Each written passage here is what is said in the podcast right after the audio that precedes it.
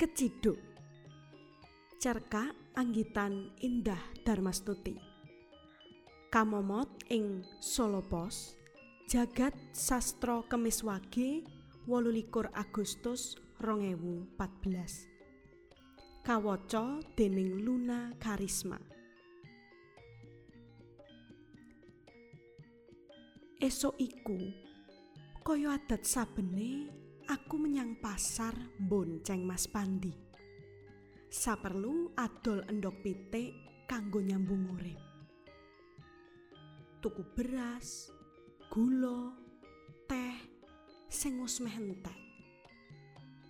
Uga katul lan sego aking kanggo pakan pitik ingon-ingonku sing cacahe luwih saka telung puluh. Iya pitik-pitik iku kang dadi saka guru urip sak bubare Mas Pandi kena pemutusan hubungan kerja utawa PHK saka pabrik kaos. Duit pesangon kang ora spira kuwi tak tukokake pitik.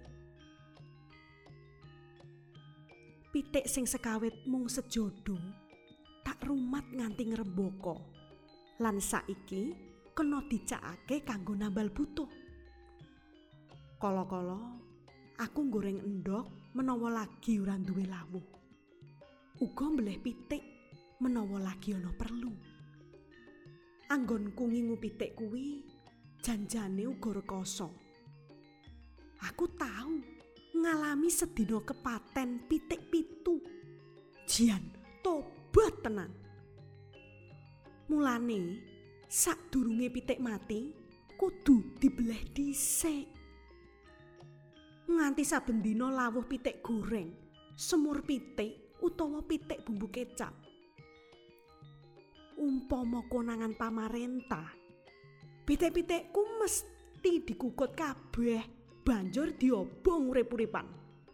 Dipidono kanthi jalaran katutuh dosa nyebarake flu burung.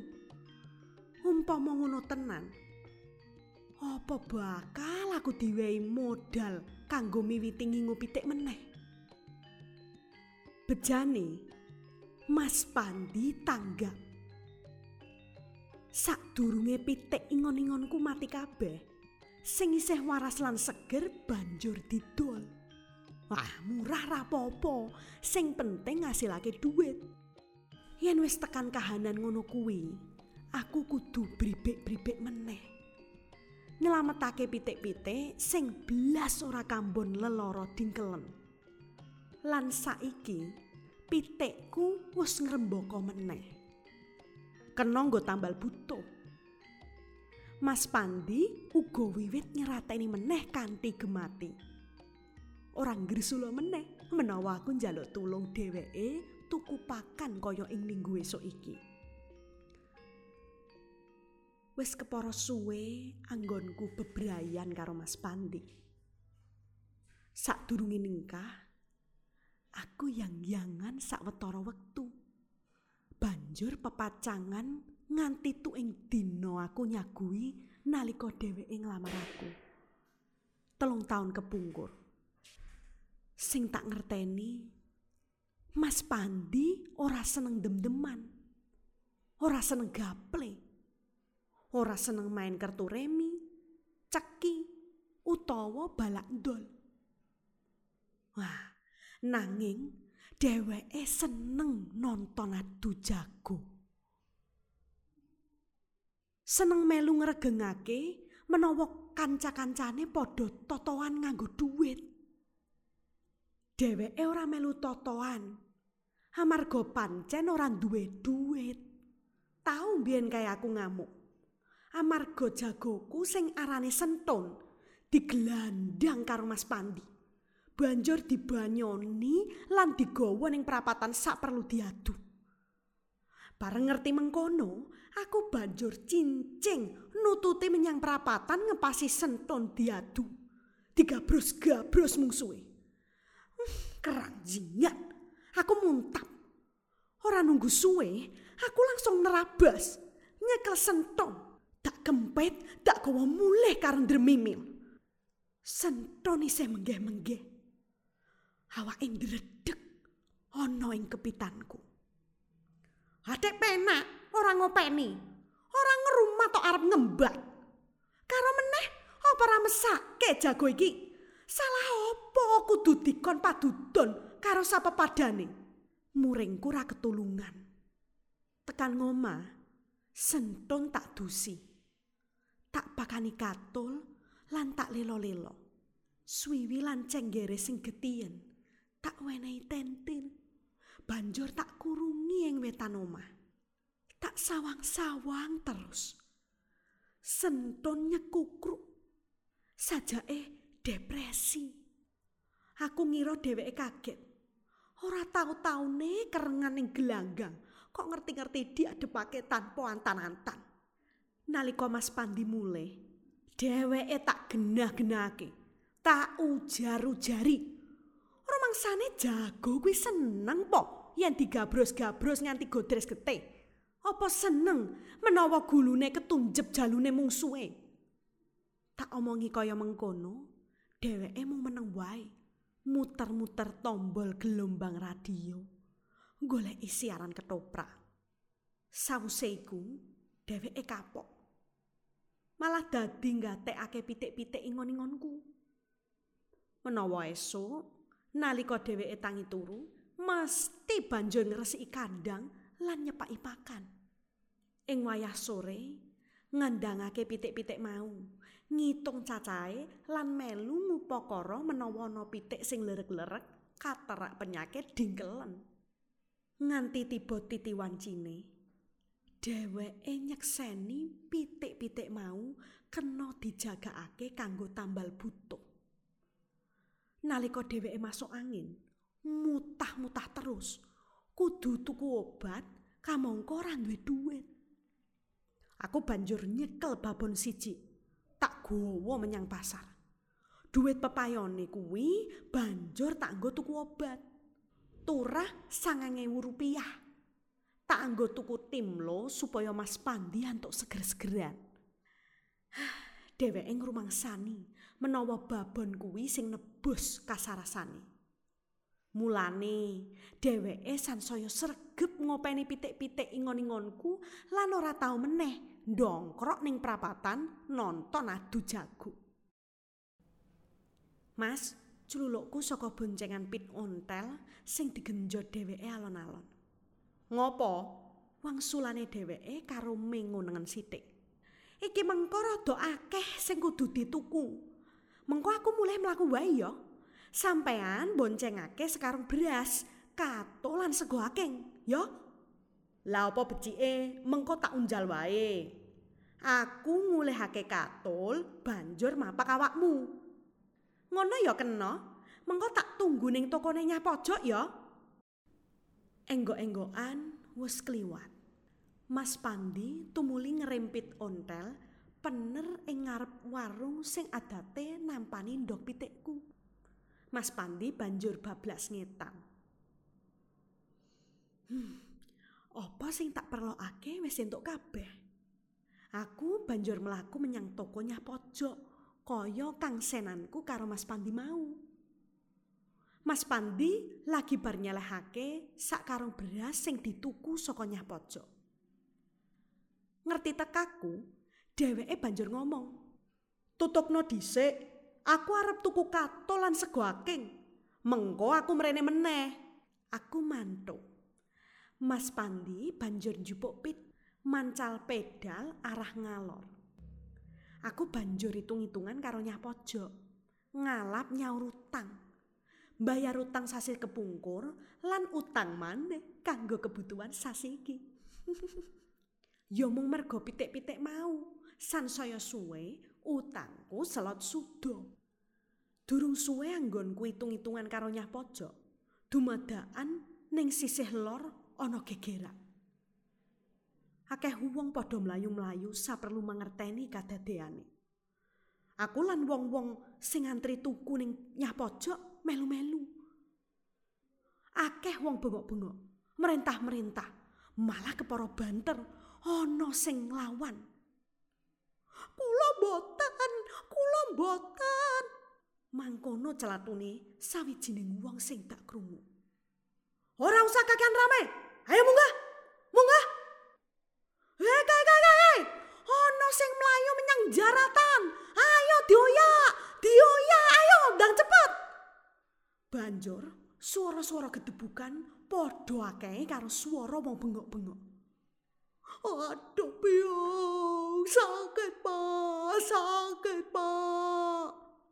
Suara iku banter banget. Aku melayu nyedak.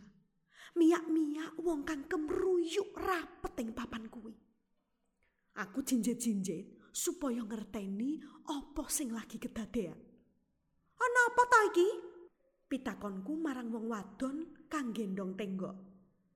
Cedukan, Mbak. Kae mau garukan sing padha main gaple ning jaratan. Oh, alah. Akeh sing keciduk. Pitakonku maneh. Iya, akeh. Ning uga akeh sing padha mlayu nyelametake awake dhewe-dhewe. Amalah keparo ana sing nyemplung kali barang kok. Lah iya to, eso-eso main gaple, ah ben kapok.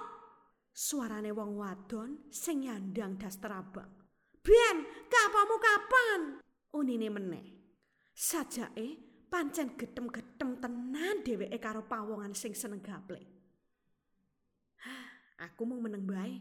Banjur aku jinjet-jinjet meneh. Loh, loh, loh, loh, kae, loh, kae. Aku nerabas. Miyak bokong-bokong lan gegerek wong. Nyerundul nganti tekan ngarep dhewe. Mas, mas, mas Pandi. Bengokku saingan karo bengokan liya-liyane. Tanganku ngawe-awe. Sajake Mas Pandi krungu bengokanku. Banjur dheweke celilengan goleki. Mas! Pambengokku sepisan maneh. Banter lan dawa. Mas Pandi nemu mripatku. Dheweke uga ngawe-awe. Nanging karo guyu, malah keporone kakak. Ah, asem. Apa to karepe? Dheweke banjur dijorok-jorokake karo wong sing nganggo seragam ijo supaya ndang munggah ning bak truk. Akeh tenan sing wis ning dhuwur truk kuwi. Aku mlayu nututi pengen ngerti sebab musababe. Apa Mas Pandi main gaple yo? Aku kok ora percaya. Amarga dheweke ora seneng lan ora bisa. Utawa mung melu toh-tohan tok yo. Ah iya? Wong wektune ora kacek suwe karo anggone ninggalake aku ning tokone nyapojok kok. Pas aku melayu lan wis cedhak, aku disingkrehake dening petugas seragam ijo mau. Banjur bak truk langsung ditutup. Mas Pandi nyedak ana tutup kap truk. Ndang, ndang balionis. Aku ora popo, percaya wae. Pambengoke Mas Pandi barengi truk mlaku ninggalake kruyukan wong-wong ing protelon gedhe iki. Hatiku remuk sanalika. Nanging ora ana wektu kanggo nangis. Aku percaya menawa Mas Pandi mung korban salah ciduk.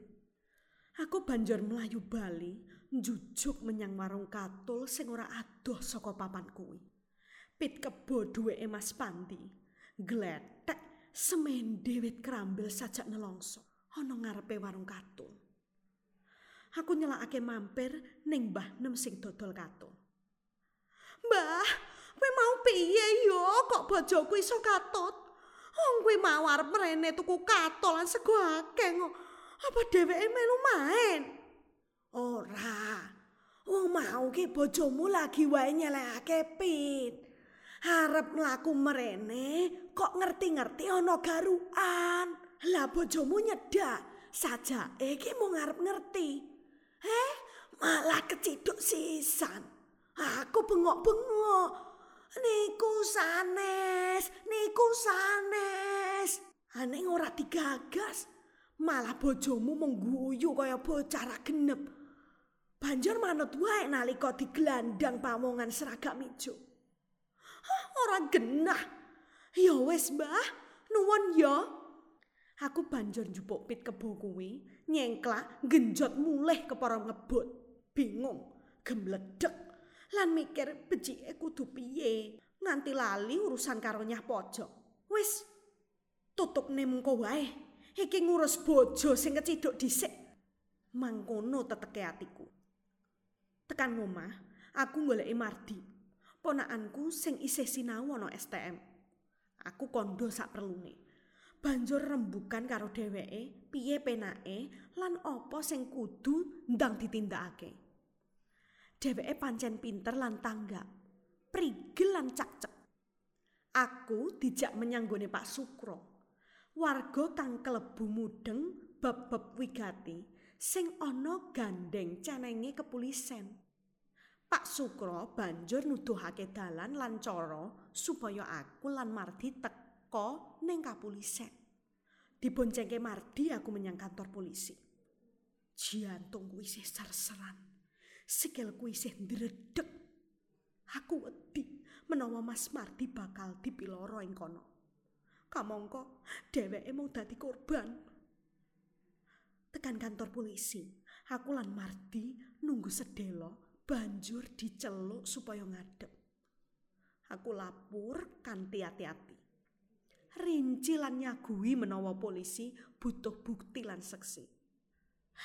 Laporanku digarap. Banjur aku dikon nunggu ana ing panggonan kang adem. Sepi nanging ora pati jembar. Kepara suwe aku lan Mardi nunggu. Banjur ana petugas mlebu ngiring Mas Pandi. Aku lan Mardi ngadeg meh barengan. Semah sampean saged wangsul sak menika, Bu. Ngono kandhane polisi kuwi. Matur sembah nuwun, Pak. Wangsulanku. Nyuwun pangapunten. Menawi petugas menika lepat ingkang nyiduk. Aku mantep. Banjur enggal-enggal njaluk pamit. Aku lan Mas Pandi numpak becak. Mardi ngontel ing burine. Ning dalan, ing sakjroning becak, aku takon karo Mas Pandi. Piye mula bukane kok nganti iso keciduk? Jane, aku mau bisa wangsulan menawa aku dudu perangan sing main gaple. Aku bisa gage mlebu menyang warunge Mbah Nem. Neng, aku malah nyeda. Waktu petugas nyekel pundakku, aku manut wae. Aku ki kepengin ngerti piye para petugas kuwi ngupakara tukang botok. Aku percaya menawa ning kantor polisi, aku bisa bela awakku. Dadi, rikala aku munggah truk lan awakmu ngawe-awe, mulane aku meleng gek ndang bali wae. Tenangno pikirmu. Asem. Dadi ngono ceritane. Tega temen awakmu. Hah, ora ngrasake aku bingung. Gregeli mulai gembrobios ngepit ngebut. Hah, Mardilan aku repot-repot ngurus lan jaluk tulung tonggo. Urusan utang tak tinggal semprung, katol kapiran. Wah, jebol awakmu mau nyoba-nyoba ngerasake piye diciduk to. Semprol tenan. Ngerti ngono aku ora gagas. Tak tinggal mulai banjur makani pitik. Diciduk karepmu ora karepmu. Baca kaya ngono to Cahayu. Celatune Mas Pandi karo ngrangkul pundakku. Aku merengut. Nanging Mas Pandi ora mandek anggone ngerayu. Jare aku bojo sing gemati lah, sing iso dindelake lah. Aku melengos karo mencep. Nanging sejatine hatiku bunga ora karo-karuan. Banjur Mas Pandi alon-alon nyelahake tangane ana wetengku. Muga-muga anakku ora beling kaya bapake. Kandaku ning cedhak kupinge Mas Pandi. Dheweke mung mesem. Wektu kuwi uga aku ngerti sejatine atiku samsaya kesengsem.